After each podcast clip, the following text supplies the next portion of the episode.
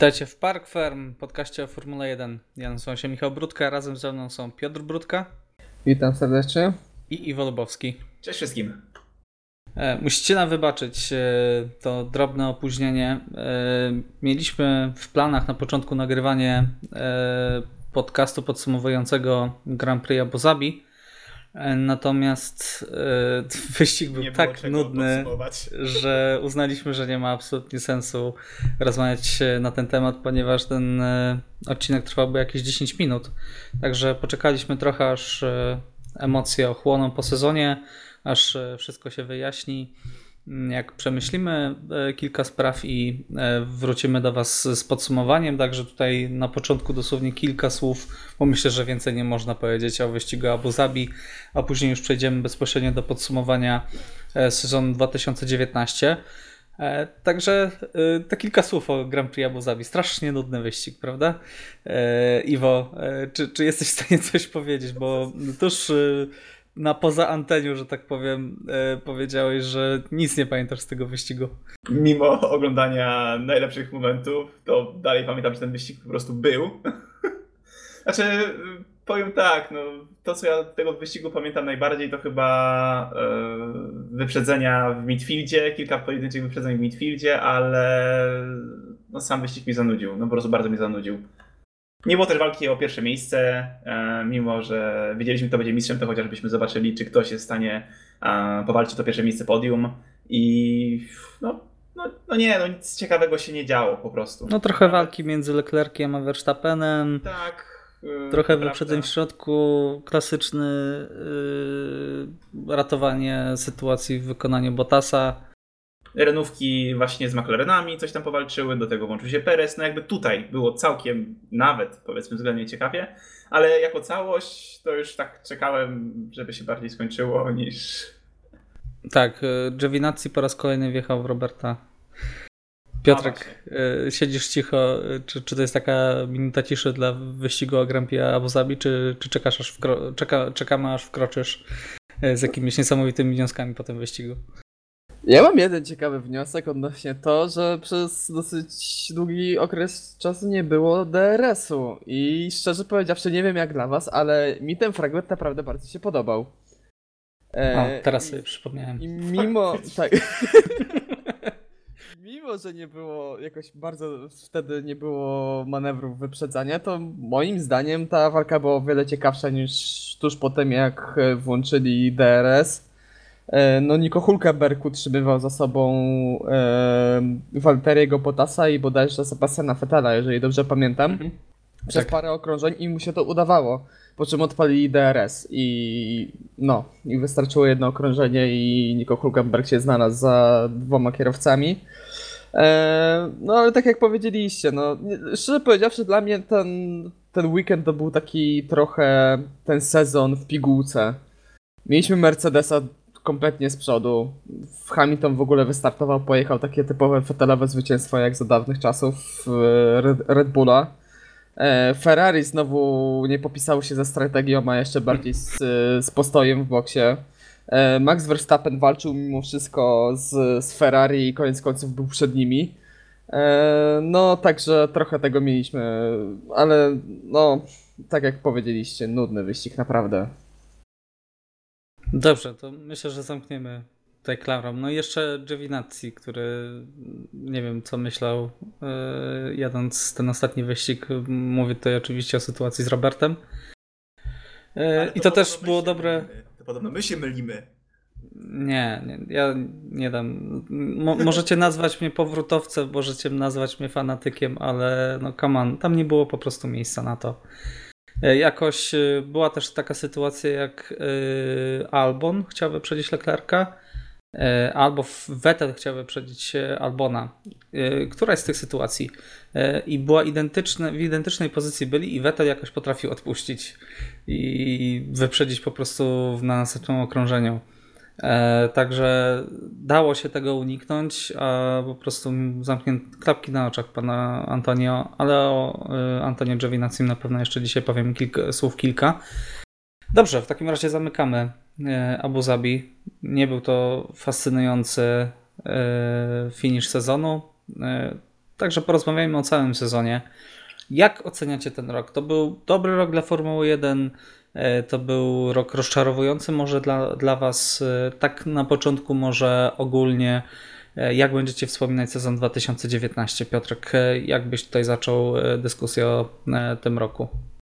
Znaczy, z mojej perspektywy był to rok dosyć przeciętny. E, mieliśmy mega nudny początek sezonu, zdominowany przez Mercedesa. E, Mercedes, e, kierowca Mercedesa wygrał pierwsze 8 rund e, i dopiero w Austrii mieliśmy przełamanie, gdzie Max Verstappen e, wygrał e, i tam na ostatnim okrążeniu wyprzedził Charlesa Leclerca.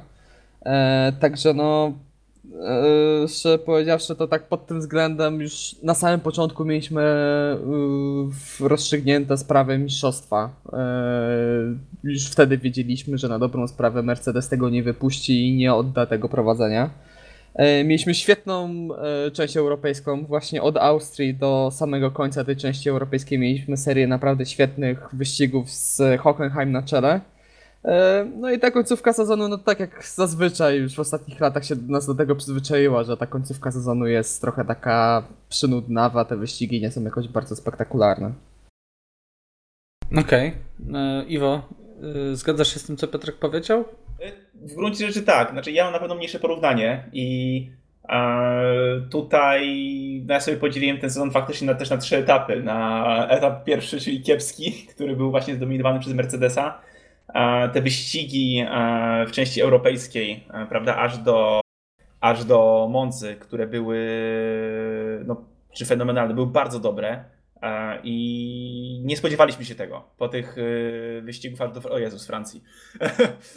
po, po, po, tych pierwszych wyścigach, po tych, y, po tych pierwszych ośmiu wyścigach nie spodziewaliśmy się chyba, że te kolejne kilka z nich może faktycznie być aż tak dobrych jeszcze w dodatku pod rząd Także no, trochę mi trochę to zrehabilitowało. No i mieszana końcówka. I tutaj, tak jak Michał powiedziałeś, że właśnie, przepraszam, Piotrek powiedział właśnie, że Niemcy na e, w środku sezonu. Tak, tutaj no, końcówka sezonu zdecydowanie pod Brazylię w moim przypadku. Także też jakoś to uratowało ten sezon, sezon, sezon dla mnie.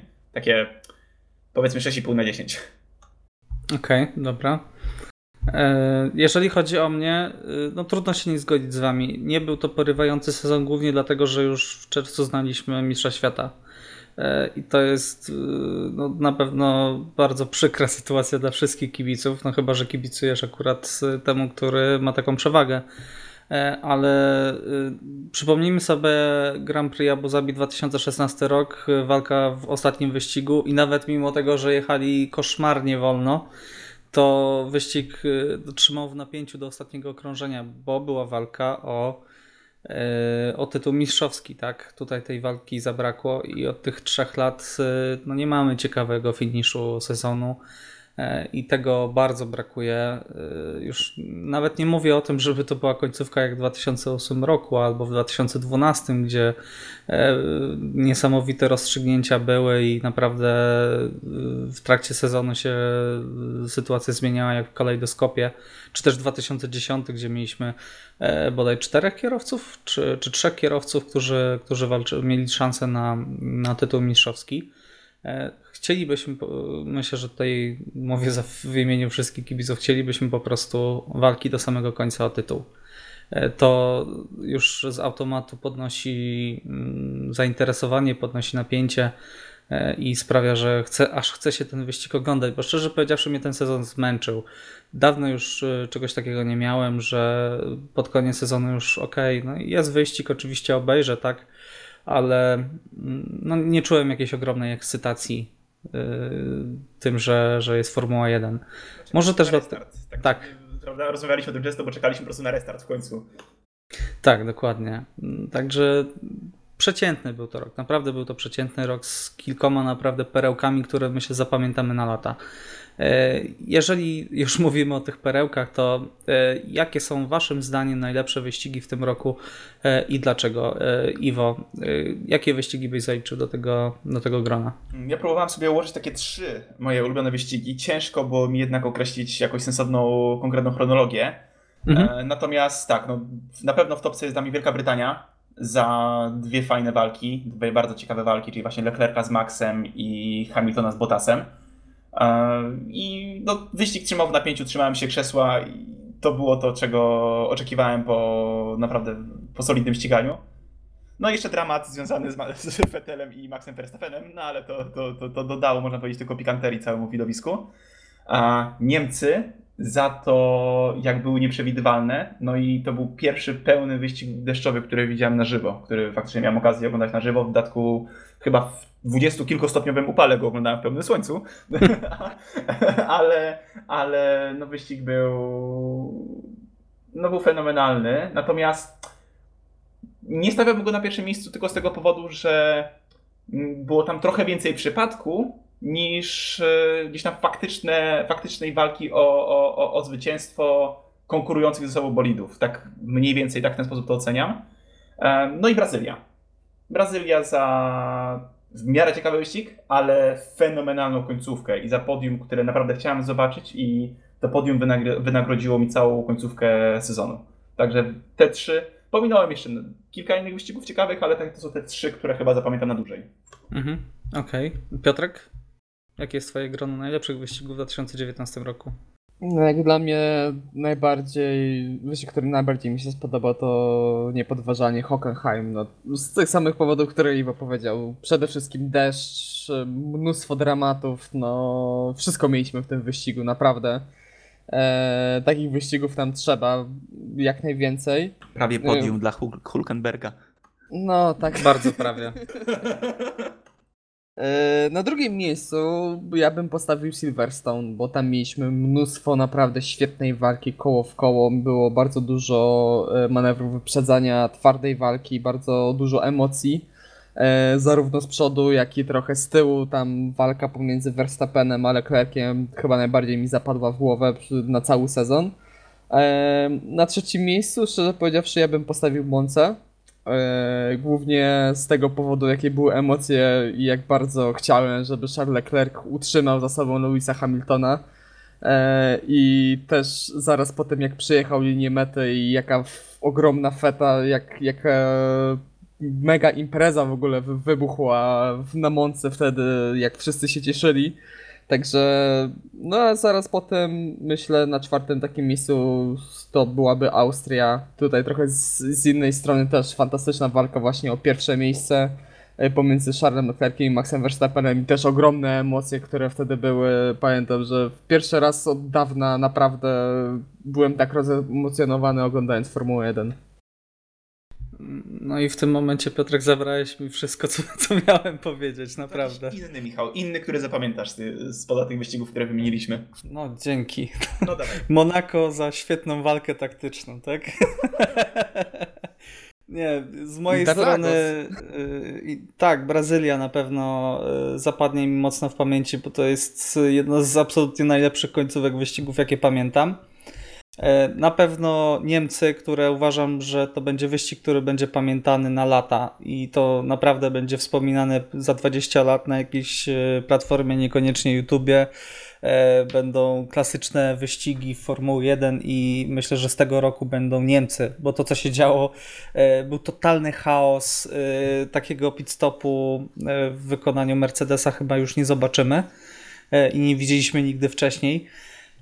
Także to było coś wyjątkowego i e, no i Robert zdobył punkt, tak? Williams zdobył punkt. To był tak cudownie nieprzewidywalny wyścig, że nawet Williams zdołał zapunktować w tej puszce, taczce, przepraszam. Także tak. E, także ten wyścig na pewno to jest absolutny top moim zdaniem. No i Grand Prix Włoch, tak, bo bardzo lubię ten weekend. E, zawsze, zawsze lubię oglądać jak tifozy szaleją, a w tym roku szaleli wyjątkowo i, i mieli powód, tak, bo po pierwsze Ferrari e, wygrało, po drugie no, Charles musiał się bronić przez kilkanaście okrążeń, będąc cały czas pod presją Louisa Hamiltona, e, także to też trzymał w napięciu ten wyścig niesamowicie. Dobrze, to w takim razie, jeżeli już omówiliśmy najlepsze wyścigi, to e, porozmawiajmy trochę o najlepszym manewrze wyprzedzania. E, był, e, była nagroda FIA przyznana w ostatnim czasie i był to manewr Maxa Verstappena, Na dobrą sprawę to była walka Maxa Verstappena z Charlesem Leclerciem właśnie w Wielkiej Brytanii, o której Piotrek już wspomniał. Natomiast chciałbym usłyszeć, jakie są Wasze tutaj propozycje. E, jaki, jaki manewr najbardziej Wam zapadł w pamięci z tego sezonu? Piotrek, może teraz Ty zaczniesz. Na półzmyłka Roberta Kubicy. Klasyczna półzmyłka. Tak, nie, ale tak na poważnie, yy, to tak jak już wspomniałem wcześniej, no walka Verstappena z Leclerciem na Silverstone, no to był kawał naprawdę dobrego ścigania. No, no już trochę już o, o tym mówiłem, także nie będę się powtarzał. Myślę, że zapamiętam to naprawdę na lata ten wyścig.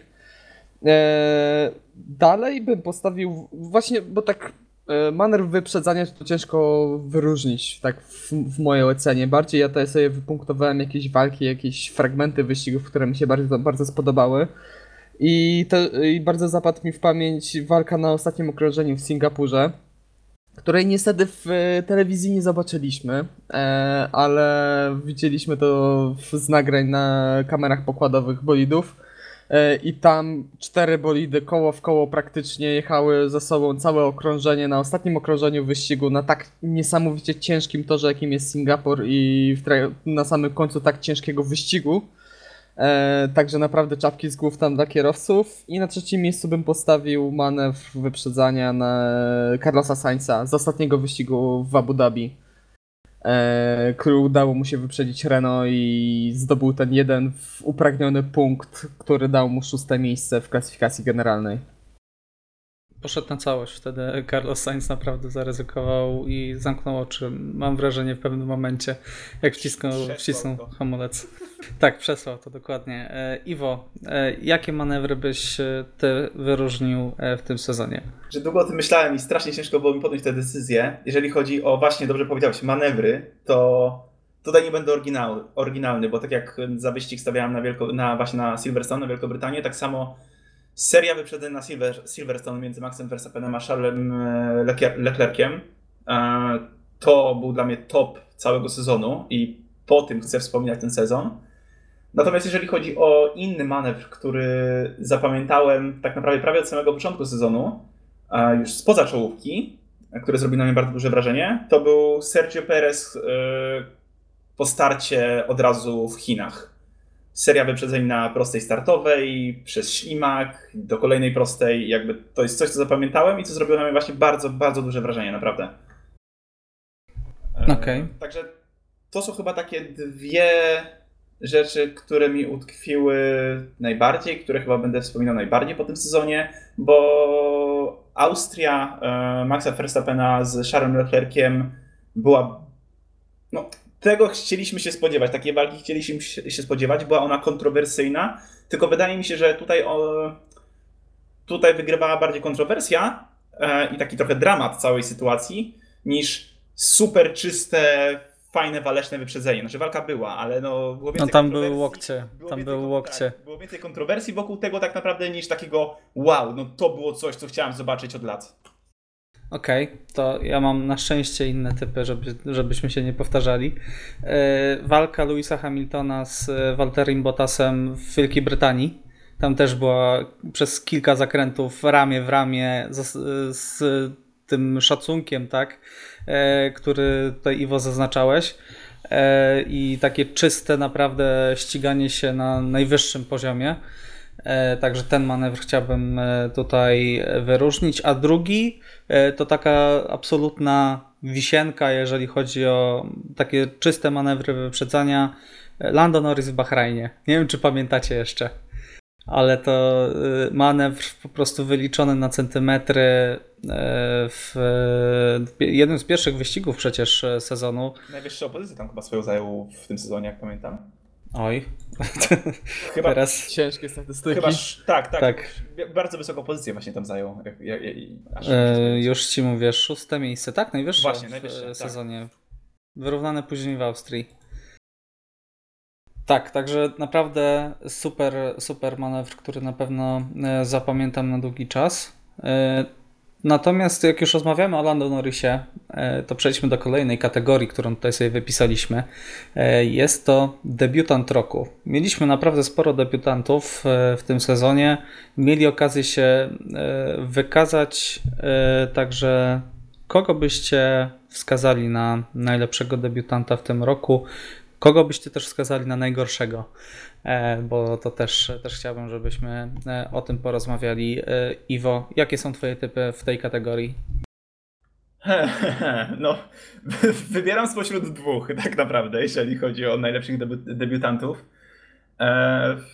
Czyli George Russell i George Russell, rozumiem, tak? George Russell i Antonio Giovinazzi, oczywiście. E... E... No, Norris i Albon, dobra, już nie musiałem chyba tego tłumaczyć. Albon e... za Dobra, zostawię w takim razie Norrisa, przejdę do Albona, bo jednak e, tutaj przede wszystkim chcę go pochwalić. Toro Rosso swoją drogą. E, też świetny występ w Chinach, prawda, z, z, z pit stopu, e, z pit lane'u. Natomiast najbardziej, można powiedzieć, szacunek do niego zyskałem w momencie, kiedy przyszedł się do Red Bulla bez żadnego totalnie przygotowania, bez wcześniejszych testów zimowych i widząc to, że w pierwszym wyścigu, już po obyciu się trochę z bolidem w trakcie wyścigu, był w stanie naprawdę całkiem agresywnie wyprzedzać. I wydaje mi się, że ta nagroda, którą Albon też wygrał na, na, na, na, na gali, e, zdobył na gali, to no jest nagroda zasłużona. Mimo, że długo ze sobą walczyłem, bo Norris dla mnie jest taką postacią też a, memiczną. Mimo, miłą, fajną, charakterną jednocześnie. Albon z drugiej strony jest bardzo skromny. I też się w tym wkupuje, wydaje mi się, swoim fanom ale biorąc pod uwagę problem, jaki mógł mieć i, i, i, i to, co go czekało w tym sezonie, to, co, prze, to, co przeżył, no przeżył, no to był raczej do, będzie miał raczej dobre wspomnienia, ale to, co musiał przejść w tym sezonie pod kątem właśnie zmiany zespołu, no to stawiam na Albona. Jednak dla mnie jest to faktycznie debiutant roku. Za obycie się z nowym bolidem lepiej niż jego poprzednik. Okej, okay, a najgorszy debiutant? Antonio Giovinazzi. No myślę, że nie trzeba tłumaczyć. No, nie popisał się po prostu specjalnie niczym. Kilka razy wykręcił bolid. No tak jakoś jest to dla mnie taki kierowca jakoś nie chcę cię oczerniać, ale dla mnie nie ma charakteru, niczym się specjalnie, niczym się specjalnie nie popisał, specjalnie go z niczym nie kojarzę, poza tam kiepskim oczywiście angielskim akcentem, ale no nie, jakby odchodził z Formuły 1, to jakoś bym go nie wspominał.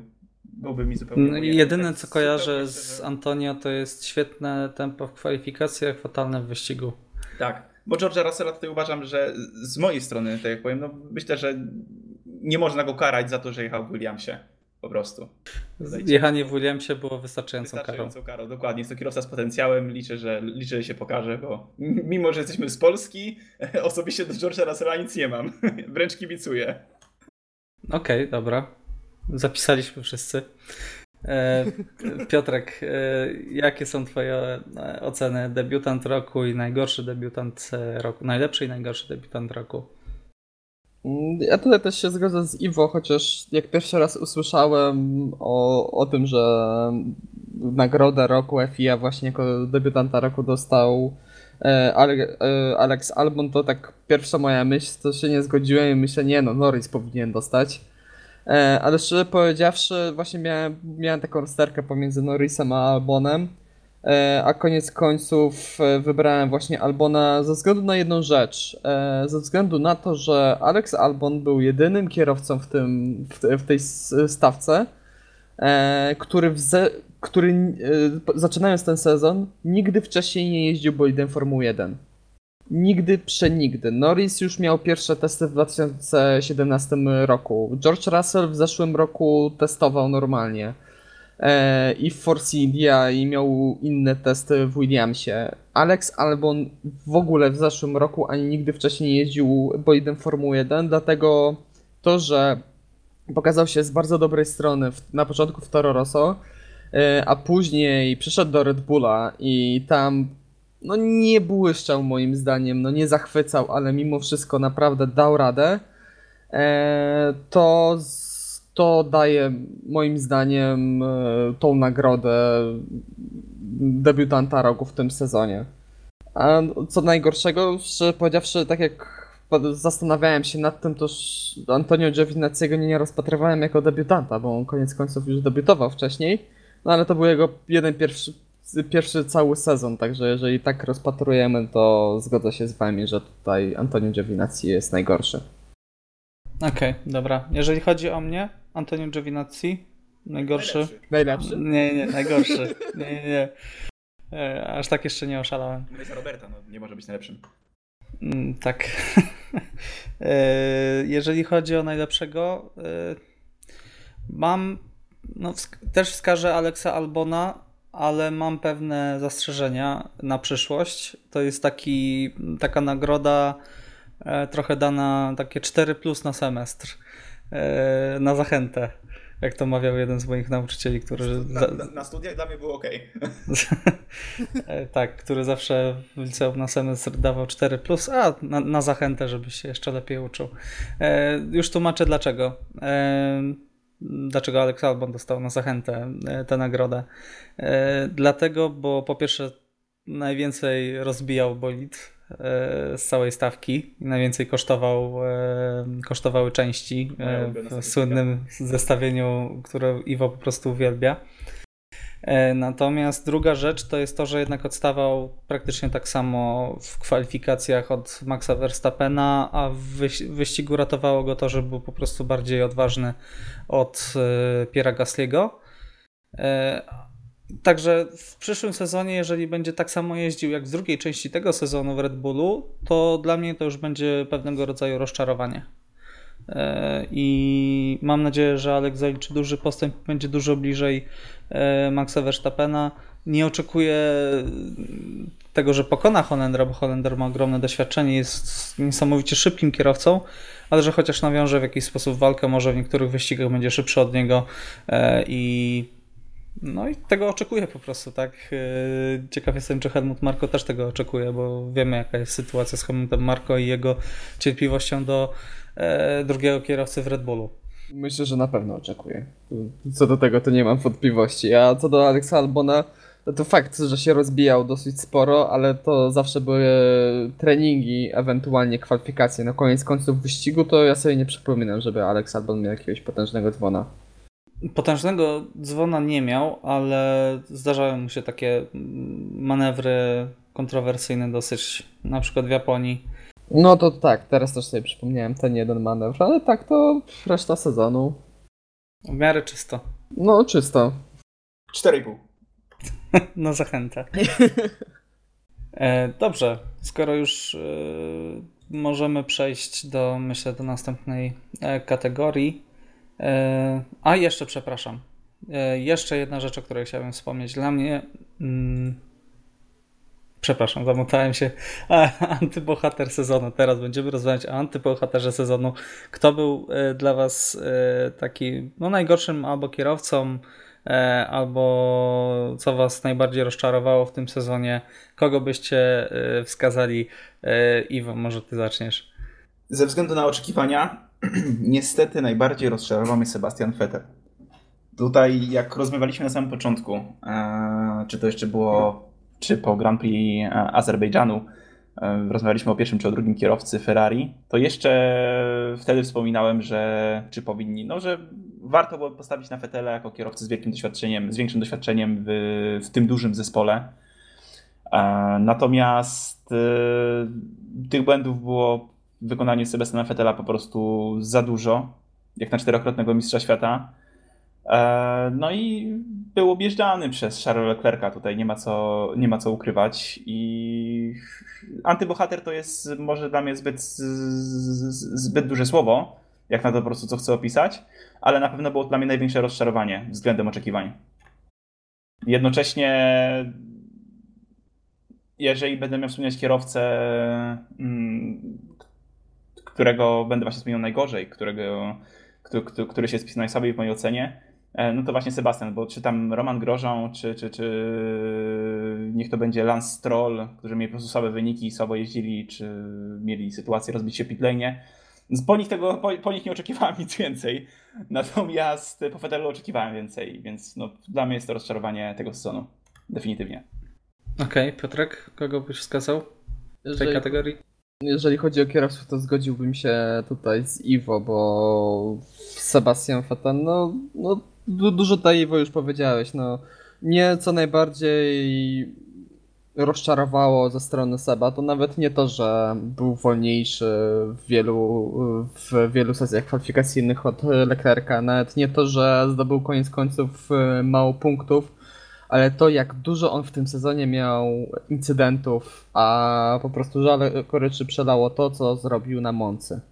Właśnie sobie dopiero przypomniałem. To, Ja co zrobił, jeszcze. to, co zrobił na Moncy, to no, Kryminał. kryminał, to jest kryminał po prostu. Raz, że się obrócił sam z siebie w suchych warunkach przy pięknym słoneczku w trakcie wyścigu, a później to, co zrobił, to no, no masakra, no tragedia po prostu to, co się tam stało, także naprawdę duży, duży minus i no miejmy nadzieję, że Seb w przyszłym sezonie się trochę pozbiera i nie będzie już miał tylu incydentów i tak często nie będzie zwrócony przeciwnie do kierunku jazdy. Okej, Mówimy dobra. na temat Hockenheimu z zeszłe- z zeszłorocznego. Mm, No dobrze. W takim razie, y, jeżeli ja mam oceniać, to y, oczywiście Se- Seb Vettel, nie będę tutaj powtarzać, y, zgadzam się ze wszystkim, co powiedzieliście. E, natomiast y, jeszcze jeśli chodzi o antybohaterów sezonu, to wskazałbym Romana Grożana, który absolutnie już nie powinien jeździć w Formule 1. I to jest ponury żart, że utrzymał y, swoją posadę na przyszły rok. E, A już obrócenie się w e, pit lane to, to już w ogóle jakaś komedia, zupełny absurd. Bareja by tego nie wymyślił. Ale ten wyjazd nie jest taki prosty, Michał. Nie no. bardzo trudny zakręt na bardzo dużej prędkości. Każdy się może Ja obrócić. czekałem na Abu Zabi między innymi z tego względu. Naprawdę. Na Ej, ale przecież sam Grosjean powiedział przez Rady, że Omer włos się nie obrócił, jak, e, jak Daniel Kwiat został wypuszczony tuż przed niego w trakcie kwalifikacji, także no. Widać dla, Fran- dla Francuza te aleje serwisowe są jakieś problematyczne, naprawdę. strach pomyśleć, co będzie na Zandvoort, jak nie będzie znał toru. E... Dobrze. E... Do kolejnych antybohaterów sezonu. Williams. To jest e, dramat, cytując e, znanego, e, znaną osobowość internetową polską Zbigniewa Stonogę. E, To, co wyczyniał Williams w tym roku, to przebija wszelkie e, granice uczciwości, e, jakiegokolwiek, nie wiem, szacunku, honoru. Można wymieniać tutaj długo zespół absolutnie najgorszy, w, być może nawet w całej dekadzie, bo trzeba też wziąć pod uwagę, z jakiej pozycji oni startowali. Tak? Te zespoły, które e, startowały na początku tej dekady, czyli Marussia, która de facto zdobyła punkt, HRT, które było myślę, że na poziomie Williamsa, to były nowe zespoły, Caterham, tak? E, To były nowe zespoły, które dopiero wchodziły do Formuły 1 i wtedy one miały dużo, dużo trudniej. Natomiast Williams, no ogromna historia, tak? Wszyscy o niej wiemy, więc nie będę tego po raz setny powtarzał, a to jest po prostu wstyd i ten zespół e, no, idzie w, em, że tak zacytuję e, Gomułkę, e, który powiedział kiedyś, że e, pięć lat temu staliśmy na krawędzi przepaści, od tego czasu zrobiliśmy duży krok do przodu. Także to, myślę, że to świetnie oddaje sytuację Williamsa e, i, i tego, w, w którym kierunku z, zmierza ten zespół. E, Natomiast jeszcze trzecią, e, trzecie osoby, które tutaj bym wymienił w kategorii antybohaterów, to sędziowie, bo myślę, że e, poza samymi kierowcami i zespołami e, mówiliśmy najwięcej o tym, co się działo przy stoliku sędziowskim, o tym, jak źle funkcjonują, e, funkcjonuje podejmowanie decyzji e, i w tym roku kontrowersji było zdecydowanie za dużo e, i no, i nic się nie zmieni w tym kierunku, bo, bo też nie ma jakichś decyzji, nie ma jakiegoś ruchu, żeby to zmienić. Wszyscy uznają, że po prostu no, sędziowie w taki sposób działają i trzeba się jakoś z tym pogodzić. Także nie wiem, czy, czy chcecie się jakoś do tego odnieść, e, czy, czy e, macie może jakieś inne zdanie. Ja bym do tego dodał jeszcze zespół Renault, yy, który po zeszłym ich sezonie mieliśmy naprawdę duże oczekiwania. Na początku mówiliśmy, że no, że mamy nadzieję, że dobiją do tej pierwszej trójki, a naprawdę ten sezon w ich wykonaniu był bardzo słaby. E, jeszcze w trakcie roku przed dowiedzieliśmy się, że e, odejdzie od nich McLaren, także no widać tutaj regres w tym zespole i miejmy nadzieję, że się trochę pozbierają w przyszłym roku. A co do Williamsa, to już w tym roku tyle o nim powiedzieliśmy i o ich wyrobie boli, bolidopodobnym, że naprawdę chyba już dalej... Szkoda. Da, da, no dokładnie. Szko, Kończ szko- waść wstydu oszczędź. Szkoda gadać mi, jedynie jest szkoda Franka Williamsa, który naprawdę zbudował coś wielkiego, coś wspaniałego, naprawdę I widzi jak to upada. i widzi jak to upada i, i za bardzo nie, i po prostu nie, nie może nic z tym zrobić i to jest naprawdę bardzo, bardzo przykre moim zdaniem. Okej, to w takim razie, e, zostawiając już antybohaterów sezonu, może porozmawiajmy bardziej ogólnie e, na temat e, tego sezonu. Porozmawiajmy e, krótko, zwięźle na temat, e, jak byście ocenili poszczególnych kierowców i zespoły. Zacznijmy od zespołu Mercedesa i e, Louisa Hamiltona, Walteriego Bottasa. Piotrek, jak ty byś podsumował e, ten sezon w wykonaniu, w wykonaniu srebrnych strzał? No, jak można ich ocenić? No, zdobyli mistrzostwo pierwszą część sezonu, ich e, kompletnie zdominowali, także jak najbardziej na plus. E, Valtteri Bottas miał o wiele lepszy sezon niż wcześniejszy, także miejmy nadzieję, że to będzie, będzie, cały, tylko, będzie, będzie tylko lepiej i w zeszłym sezonie będzie jeszcze lepiej niż w tym. E, a co do Louisa Hamiltona, no to kolejny tytuł z rzędu, przebijanie kolejnych rekordów. No miejmy nadzieję jedynie, że opony będą się lepiej spisywały w przyszłym sezonie w jego samochodzie i nie będziemy tyle słyszeli komunikatów radiowych. Opony zostają z tego roku, także nie wiem czy... Także, także chyba to się nie zmieni, nadal będziemy słyszeli, że jego opony są w tragicznym stanie. Ginter Steiner jednak musi zadbać o to, żeby był powstał zupełnie nowy bolid. E, A też głosował za tym, żeby te opony przyszłoroczne odrzucić. Także nie, nie wiem jakie one były. Szczerze mówiąc, nie dziwię się, jeżeli musieliby od nowa eksperymentować. E, Dobrze, Ferrari. E, Charles Leclerc, Sebastian Vettel. Jak e, może Iwo, ty ocenisz e, włoski zespół? Federa myślę, że ceniłem wystarczająco i tutaj no, podtrzymuję to zdanie. Jeżeli chodzi o Charla, e, uważam, że jest to całkiem udany debiut w dużej drużynie, że tak powiem. Natomiast e, tutaj pozostaje gorzej nieco ocenić Ferrari jako zespół, za strategię przede wszystkim. Także- Grande. Grande, grande, dokładnie. I no tutaj Charla bardziej myślę na plus. e, Z jego strony też było więcej ciekawej walki. E, Trochę trzeba było poczekać, aż Ann nauczy się, właśnie tak jak wcześniej to Michał powiedziałeś, rozpychać łokciami. To chyba nauczyła go Austria w wykonaniu Maxa Verstappena. E, Ale Charla z pozytywnej strony, Fetela niestety z tej no, bardzo negatywnej. Mimo, że 24 punkty ich dzieliło w klasyfikacji. Tak, dokładnie. Ale jednak no, ilość popełniona błędów była widoczna chyba na, na gołym okiem. Okej, Piotrek, e, McLaren, Carlos Sainz i Lando Norris. No jedna, jeden i drugi na, na naprawdę bardzo duży plus. Carlos Sainz przejechał swój najlepszy sezon e, w życiu i chyba to był pierwszy sezon, w którym rozpatrywa, zaczęliśmy rozpatrywać e, Carlosa Sainza jako naprawdę porządnego kierowcę, bo zawsze go Tak. patrzyliśmy na niego, na jakiego takiego średniaka, a nawet trochę takiego gorszego średniaka powiedzmy. E, A Lando Norris naprawdę bardzo dobry debiut. E, W kwalifikacjach bardzo dobre tempo, w wyścigu bywało z tym różnie, miał trochę pecha, także miejmy, zobaczymy co przyniesie przyszły sezon, ale generalnie zarówno ta dwójka kierowców, jak i cały zespół McLarena naprawdę duży plus. Okej, jeżeli chodzi o Red Bulla, no to wiadomo jaka była sytuacja e, personalna, tak? Także e, może Max Verstappen i Red Bull ogólnie, Iwo. E, No, jeżeli chodzi o Maxon, to na początku mówiłem, y, mam mieszane uczucia trochę, ponieważ na początku faktycznie widać było większą dojrzałość w jeździe. Potem powstało kilka błędów i widzieliśmy, że nie do końca wyciągnął wnioski z poprzedniego, czy też poprzednich właśnie sezonów. Natomiast na, pod sam koniec e, no, udowodnił, że potrafi się i czysto, i szybko, i dobrze ścigać. No przede wszystkim udowodnił to na to, na to że w Brazylii, prawda, na Interlagos. Także Max Verstappen bardzo pozytywnie z mojej perspektywy mimo wszystko.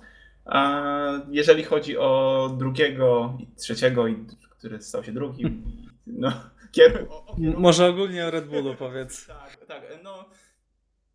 Ciężko ocenić, cięż, ciężko ocenić, ciężko ocenić e, drugiego kierowcę, tak jak właśnie wspomniałeś, natomiast e, Honda, Red Bull jako właśnie e, z silnikiem Hondy, e, uważam, że jest dla mnie bardzo pozytywnym zaskoczeniem tego sezonu. Mimo kiepskiego początku, znaczy Max Verstappen zdobył podium, prawda, w, w Australii. Ale odstawali tam. Ale odstawali, dokładnie. Także później to się mocno poprawiło i no było to widoczne, ale no niestety tylko w przypadku Maxa Verstappena. Bo musimy poczekać, może w przyszłym roku właśnie Albon pokaże więcej. Ale ogólnie na plus. Jeżeli chodzi o Red Bulla, z, mojej strony zdecydowanie na plus. Okej, e, Piotrek, e, to teraz e, dostajesz Toro Rosso i możesz podsumować od razu dwóch kierowców Piera Gassiego i e, Alexa Albona, tak? A może, może w ty skrócie. teraz, Michał? Możemy. No właśnie. Okej, jeżeli chodzi o Toro Rosso, y, szalony zupełnie sezon. Y, Potrafili zmienić, y, f- mieć na jednym torze świetną e, formę, tak, y, świetne wyniki, na innym e, zupełnie się nie liczyć. Na pewno sezon na plus w zeszłym roku było dużo gorzej, jeżeli chodzi o tempo. E, Do tego wpadły podia Daniła Kwiata i, e, i Piera Gastiego e, w Brazylii, także mm, Poprzednio było tylko jedno zwycięstwo Sebastiana Vettela z 2008 roku. Także Toro Rosso jako nazwę żegnamy, pożegnało się naprawdę bardzo dobrze, więc jak najbardziej na plus z mojej strony i czekamy co się stanie w przyszłym roku, czy jeszcze mm, będzie, będzie poprawa, tak? Y, Okej, o McLarenie już rozmawialiśmy, o Toro Rosso, Renault teraz, Piotrek. E, No, jeżeli chodzi o zespół, to tak jak już wspomniałem wcześniej, na duży minus. Jeżeli chodzi o kierowców, e, Daniel Ricciardo, ja bym powiedział, że tak średnio dosyć. e, Był, skończył sezon przed swoim kolegą zespołowym, tak jak się spodziewaliśmy. Chociaż początek, sezon, po, początek e, tego sezonu miał był dosyć kiepski, e, bym powiedział. Było tam dosyć sporo błędów. Eee, a Nico Hulkenberg, no jak to Nico Hulkenberg, no pozdobywał te punkty, miał szansę na podium po raz kolejny i znowu to zaprzepaścił, no i pożegna, pożegnaliśmy wraz z końcem tego sezonu Niemca i myślę, że za bardzo go nie zapamiętamy. Okej, bardzo, bardzo smutno to zabrzmiało. E, Alfa Romeo, Kimi Raikkonen i Antonio Giovinazzi. Iwo. E, to tak, mocno podzielony zespół. No przede wszystkim uwielbiam Kimiego jako Kimiego, ale sezon miał nierówny. To też e, sobie właśnie o tym sobie rozmawialiśmy jeszcze wcześniej. E, no, Raz mu się, właśnie tak jak e, powtórzę to, co częściowo to, o czym mówiliśmy właśnie, że raz mu się chciało, raz mu się nie chciało, najwidoczniej. E, Tak. nat- Natomiast e, Kimi ogólnie na plus, ponieważ widać było, że kiedy można było powalczyć, to był w stanie walczyć w bolidzie wyraźnie słabszym od, e, od swoich konkurentów. Natomiast Antonio Giovinazzi, no Antonio nie zapomina, Antonio nie zapomnę, nie, nie zapomnę jej. nie będę go wspominał zbytnio, szczególnie pod względem tego sezonu, poza na przykład spinem w Spa, prawda, i, i, i tam pierwszą punktacją w Austrii, z której się bardzo cieszył, ale e, no średnio, tak można powiedzieć, że po, po, połowiczny sukces, jeżeli chodzi o Mhm. ten zespół i ten sezon, uważam. Jeżeli miałbym coś powiedzieć na temat Alfy Romeo, to y, mimo wszystko rozczarowanie. Zauber rok temu zrobił ogromny postęp w trakcie sezonu, a wydawało się, że im dalej w tym sezonie, tym y, Alfa Romeo jest słabsza. Bo początek sezonu mieli bardzo mocny, a Kimi skończył na 12 miejscu, Giovinazzi na 17, a zespół na 8, także no, jest, to, jest to rozczarowanie.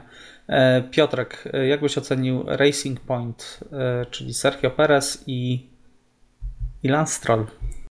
No właśnie, aż trochę zapomniałeś o Lance'u Strollu.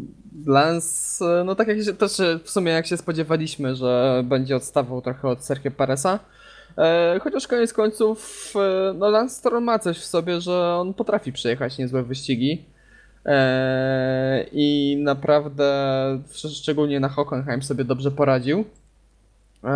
A Sergio Perez, no taki też trochę cichy bohater tego sezonu, bo tak jak mówiliśmy bardzo dużo o Carlos, o Carlosu Saincie, tak moim zdaniem tuż zanim jakbyśmy mieli oceniać kierowcę tak tak całościowo, to tuż zanim bym mu mieścił Sergio Pereza, bo naprawdę Racing Point fantastycznym bolidem e, nie dysponowało w tym sezonie, a Perez naprawdę parę razy uplasował się bardzo wysoko. Zwłaszcza miał świetną końcówkę sezonu. Dokładnie, no i koniec końców ten sezon skończył tylko dwa punkty za Danielem Ricciardo, także naprawdę duży plus. Okej, okay. to teraz e, Has wiadomo. A. Iwo, jako wielki. Nie, Michał, teraz. Dobrze, dobrze. Jako... Chciałem do, tobie dać głos jako wielkiemu miłośnikowi e, Gintera Steinera, ale myślę, że wszyscy nimi jesteśmy. E, dobrze, jeżeli chodzi o Hasa, wielkie rozczarowanie, na pewno. Najgorszy sezon w historii amerykańskiego zespołu. E, początek dobry, szóste miejsce e, w Australii, a później tylko kilka razy widzieliśmy ich w punktach. Wydawało się w Hiszpanii, że znaleźli rozwiązanie swoich problemów z oponami, ale ale to się nie stało, tak? Już od następnego wyścigu te problemy były ogromne i e, nie byli sobie w stanie z nimi poradzić e, przez cały sezon. E, I no, Kevin Magnussen nie był w stanie nawet pokazać swojej zadziorności za kółkiem. Zespół zdobył tylko 28 punktów, także słabo, naprawdę słabo. Myślałem, że Haas będzie się bił z McLarenem i Renault E, a zostali bardzo daleko w tyle. I zostaje nam tylko Williams. Dramat. Tak, dramat. E, to może Piotrek, może kilka słów o George'u. E, czy, czy Twoim zdaniem to był udany sezon w wykonaniu Anglika? No, ciężko, żeby nie był udany, bo koniec końców w statystykach to wyglądało bardzo dobrze, ale bardzo szczerze powiedziawszy, to mi naprawdę szkoda Russella, że, bo widać, że naprawdę ma potencjał, naprawdę bardzo duży talent, a jeździć Williamsem to największemu wrogowi bym nie życzył, naprawdę. W tym sezonie no, ciężko ocenić w sumie koniec końców, y, czy George'a Russella, czy Roberta Kubica, bo raz tak bardzo odstawali od reszty stawki i dwa tak bardzo odstawały, ich samochody odstawały od siebie, że w sumie koniec końców nie jesteśmy w stanie tego jakoś sensownie określić.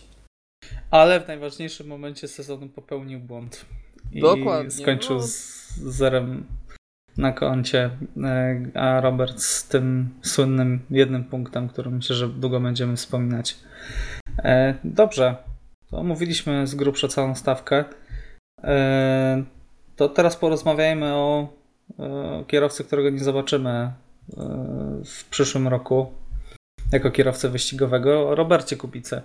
E, jakbyście podsumowali sezon Roberta? Czy powrót e, można uznać e, jako udany mimo wszystko? Bo trzeba, biorąc oczywiście poprawkę na to, czym dysponował, i jak skomentujecie jego przyszłość, bo w tym momencie jesteśmy tuż przed testami w DTM. E, i nadal nie wiemy, czy Robert będzie kierowcą testowym w którymś z zespołów. Cały czas mówi się o Hasie i o Racing Point. Także Iwo, jak byś skomentował e, sezon w wykonaniu Roberta? Znaczy tak, przede wszystkim bardzo duży szacunek za sam powrót. No tutaj podsumowując cały sezon, trzeba po prostu o tym wspomnieć i, i podziękować za to, że no, polscy kibice mieli okazję jeszcze raz się emocjonować sportem. Ci, którzy nie byli na bieżąco nawet przez cały, cały, cały ten poprzedni, całe te wszystkie te poprzednie lata. Natomiast yy, jest mi go szkoda, że musiał jechać właśnie taką taczką, bo przez to powrót sam tak realnie uznaję za po prostu nieudany. Fajnie, że się udał, natomiast nie był udany przez boli, którym dysponował, a widać było po Monako, po Singapurze, E, przykładowo, że potrafiłby wyciągnąć dużo więcej, gdyby miał, miał czym. Także największa szkoda jest taka, że nie zobaczymy go po prostu jako kierowcy wyścigowego w bolidzie, który może konkurować. To jest największa strata dla mnie między innymi, który wcześniej Kubicy nie oglądał na żywo, kiedy ścigał się w bolidzie konkurencyjnym. Także czysto w pełni obiektywnie no, powrót niestety uznaję za nieudany. No, myślę, że Robert też ma takie zdanie, prawda? Też się cieszy z tego, że wrócił. Nie sądzę, żeby cieszył się z formy tego powrotu. Okej. Okay. Piotrek, jak to byś ocenił? No w sumie dosyć podobnie, no tak sam, jak sam Robert powiedział, że najlepszy moment z tego sezonu to moment, w którym wsiądzie na sam, wsiadł na samolot e, po Grand Prix Abu Zabi i wróci do domu, także to w sumie podsumowuje sezon, ten sezon w wykonaniu Roberta. To też jest inna sprawa, bo przed tym sezonem bardzo dużo, mm, czy to dziennikarzy, czy to kibiców, e, czy to były kierowców, e, wątpiło w to, czy Robert da radę. Na początku były wątpliwości, że on nie da rady przejechać ciasnych zakrętów, na przykład nawrotów w Monako. Koniec końców Monako był jednym z jego najlepszych wyścigów. E, później były wątpliwości, że on walce w koło w koło, że w dużym tłoku, że Robert sobie tam nie poradzi z jego ograniczeniami. Eee, wszyscy wiemy, jaka była w szczególności druga połówka sezonu, gdzie na praktycznie każdym starcie objeżdżał George'a Russella i te starty wy wyglądały w jego wykonaniu bardzo dobrze. Mm, tak, przepraszam, że ci przerwę, ale muszę w tym momencie to powiedzieć. E, mam statystykę, e, ile kierowcy zyskali albo stracili na pierwszych okrążeniach. Robert Kubica trzeci, 24 zyskane e, pozycje, tylko w Australii, Bahrajnie i bodajże w Niemczech nie, nie zyskał pozycji na starcie. A dla porównania George Russell stracił w, w całym sezonie dwie pozycje, a ostatni Roman Grożan 47, przed nim e, Max Verstappen 38. Oddaję głos. E, no ciekawa statystyka, nie powiem. E, ale i co ostatni, jaki był zarzut, to nawet z ust Marka Webera, którego bardzo lubię, bardzo szanuję E, ale że Robert nie da sobie rady na mokrym, co koniec końców dla mnie jest totalnie bez, bezsensownym i dziwnym argumentem, biorąc pod uwagę, że Robert Kubica jeździł w WRC w poszutrowych odcinkach specjalnych, e, że nie da rady sobie, że tutaj za dużo, że trzeba pracować kierownicą, a no wszyscy wiemy, że ten jeden, jedyny punkt zdobył właśnie w trakcie tego szalonego i mokrego wyścigu na Hockenheimring. Eee, Także tak trochę już podsumowując, no co prawda jest to 21-0 w kwalifikacjach. E, każda jedna sesja kwalifikacyjna przegrana przez Roberta Kubicę. A było ale... kilka razy blisko. Tak, dokładnie. Bardzo blisko. Bardzo blisko na Silverstone, na Hockenheim. Bahrain. Na Bahrain, gdzie te straty była mniej więcej jedna dziesiąta, coś w tym stylu, a sam Robert Kubica powiedział, że na przykład właśnie na Hockenheim czy na Silverstone, e, gdzie tracił po jedną dziesiątą do, do Russella, E, jechał te kwalifikacje z uszkodzonym przednim skrzydłem. Także no, nie możemy oceniać Roberta, jeżeli chodzi o czyste tempo. Na pewno ma instynkt wyścigowy, co właśnie pokazują te starty. E, I tak jak teraz są te plotki, to ja się bardzo cieszę, że idzie do DTM-ów e, i że tam, mam nadzieję, że tam będzie w stanie pokazać nam jakie ma tempo i co jest w stanie pokazać jako kierowca bo tego na pewno nie był w stanie pokazać tutaj w Williamsie i koniec końców nie wiem jak wy, ale ja do dzisiaj nie wiem czego mogę się spodziewać po Robercie Kubicy. Czy on nadal ma to tempo, czy koniec końców jednak czas robi, zrobił swoje? No tak, tak. No, od tego nie uciekniemy. Nie da się tego ocenić po prostu. E, musiałby dostać przynajmniej bolić środka stawki, tak. E, I normalnie przepracowany start sezonu e, i dajmy na to sześć pierwszych wyścigów, tak. Wtedy byliśmy, bylibyśmy w stanie ocenić, jak wygląda tempo Roberta. No ale sorry, że ci przerwę, ale jeszcze z drugiej strony pamiętamy jego testy w Renault w 2017 roku, gdzie był uzyskiwał czasy lepsze, oczywiście to testy, ale uzyskiwał wtedy czasy lepsze niż e, aktualnie etatowi kierowcy Renault i tam te testy skończył bodajże na trzecim czy czwartym miejscu, także no nie wiadomo, nikt tego nie wie koniec końców, chyba tylko sam Robert wie. No i myślę, że ludzie w zespole też wiedzą mimo wszystko, to widać po danych i oni w zespole też wiedzieli e, jak to, jak to dokładnie wygląda. E, dobrze, to w takim razie Czy chcecie coś jeszcze dodać e, do tego sezonu Formuły 1? E, czy już ostatecznie zamykamy e, rozdział pod tytułem Formuła 1 2019? Ja bym jeszcze chciał jedno wtrącić odnośnie Williamsa i Kubicy i w Tak. sumie DTM-ów. E, to- Zawsze byłeś kibicem DTM-u, tak? Nie. Cho- Chociaż w tym sezonie parę wyścigów i w zeszłym parę wyścigów zobaczyłem DTM-ów, ale... Już cię sezonowcy wkurzają, tak? Już nie lubię tego Audi. E, nie, ale tak na poważnie to e, szef BMW powiedział, że no Robert potrzebował pa- paru, paru udogodnień, jeżeli chodzi o kierownicę, ale że BMW jest dużą firmą, to nie było to dla nich żadnym problemem i od razu mu to zrobili. Tak dla No przypomnienia. proszę, można. E, można. do końca se, przez cały, cały sezon Williams nie był w stanie zrobić tej kierownicy takiej dostosowanej do Roberta Kubicy. Także to też jest, koniec końców, to też jest jeszcze jeden aspekt, jeżeli chodzi o ocenę Roberta, że on do końca e, no, no nie czuł się optymalnie nawet w kokpicie, już nie mówiąc o właściwościach jezdnych tego samochodu. E, Przypomnijmy jeszcze, że na testy w 2017 na jedne testy Renault też dało radę przygotować taką kierownicę. No, już nawet w, w, w rajdach Tak. Citroen, jak Robert startował w WRC2, był w stanie nawet przeprojektować e, system hamulca ręcznego w jego Citroenie DS3, żeby zamiast ciągnąć do siebie popychał tą dźwignię. No to się da zrobić. Zespoły wyścigowe, jeżeli mówimy o poważnych zespołach, robią takie rzeczy. No, Williams już do poważnych zespołów się nie zalicza niestety.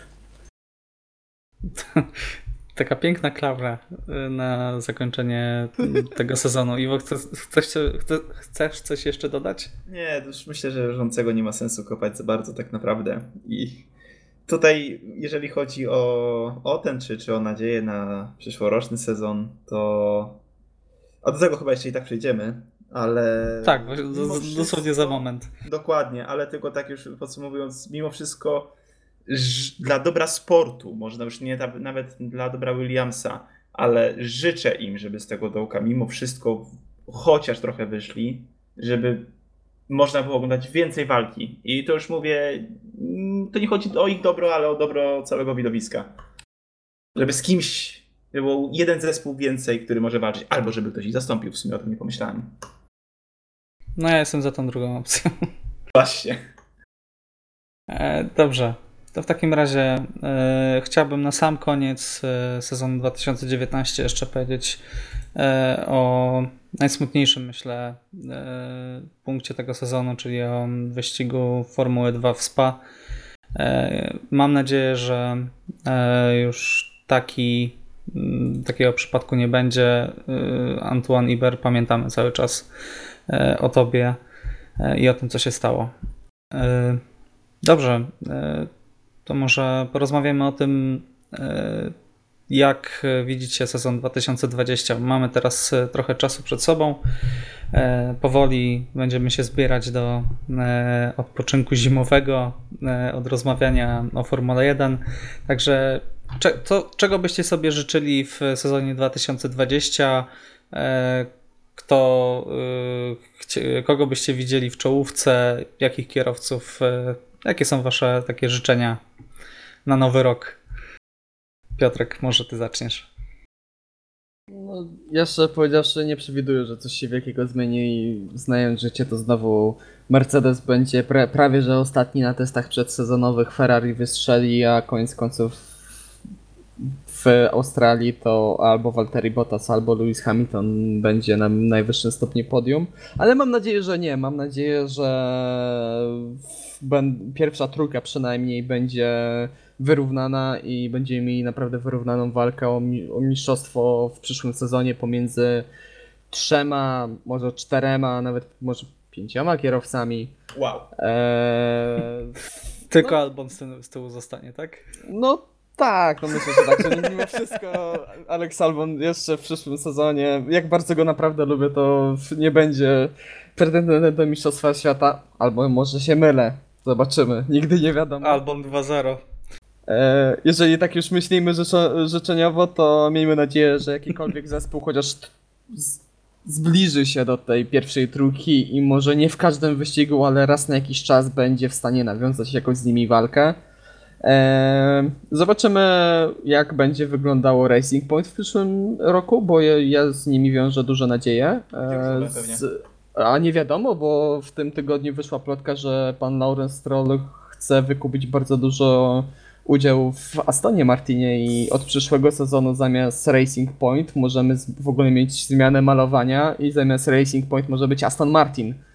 Jako Aston Martin. A co E, wtedy, co wtedy z Red Bullem? No Red Bull pozostałby Red Bullem i pewnie by nie miał już znaczków Astona u siebie. Ja, szczerze powiedziawszy, ja do końca do dzisiaj nie rozumiem tej współpracy Astona z Red Bullem, bo no bo w sumie silniki mają od, od Hondy. No nie wiem, nieważne, nie wnikajmy w to. Dobrze, bardzo- Piotrek, to zapytam przewrotnie. Jeżeli miałbyś do wyboru nudny sezon i mistrzostwo Walteriego Bottasa, a fantastyczny sezon i pięciu kierowców, to co byś, walczących do, do ostatniego wyścigu, to co byś wybrał? E, fantastyczny sezon i pięciu kierowców, a na końcu Valtteri Bottas. tak, dokładnie. No dobrze. Y, Iwo, y, jakie są twoje życzenia na 2020? Tak, to mogą być życzenia, bo oczekiwań nie chcę mieć zbyt wielu, bo już miałem zbyt wiele oczekiwań do, dla niektórych wyścigów w tym sezonie się bardzo zawiodłem, także mimo wszystko lepszej walki, walki w czołówce, ale tego sobie życzy dosłownie każdy, więc tutaj nie jestem oryginalny. Eee, chcę się pozytywniej zaskoczyć, chcę... Wierzę, że jest szansa na to, ponieważ zmian w regulacji jest teraz, e, w, te, w tych w regulacji technicznych jest tak mało, że każdy z zespołów, uważam, jest w stanie swój bolid dopracować. Szczególnie, że stoją na tych samych oponach. Są w stanie go dopracować i naprawić to, co się zepsuło w tym. I wierzę, że to spowoduje, że część zespołów przynajmniej nadgoni. No i że więcej zespołów będzie walczyło, może nie to o Mistrzostwo Świata, prawda, ale o.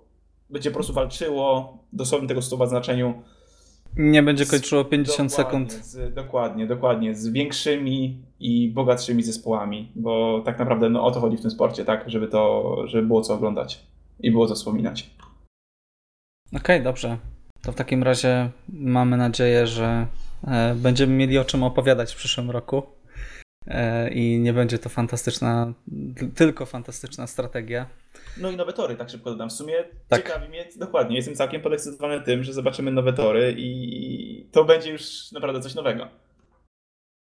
Dobrze. Ten zakręt ostatni w Zanford. Oj, 18 tak. stopni nachylenia, ciekawe jak to będzie wyglądało. E, Roman Grożan już się szykuje. ja, ja się naprawdę boję.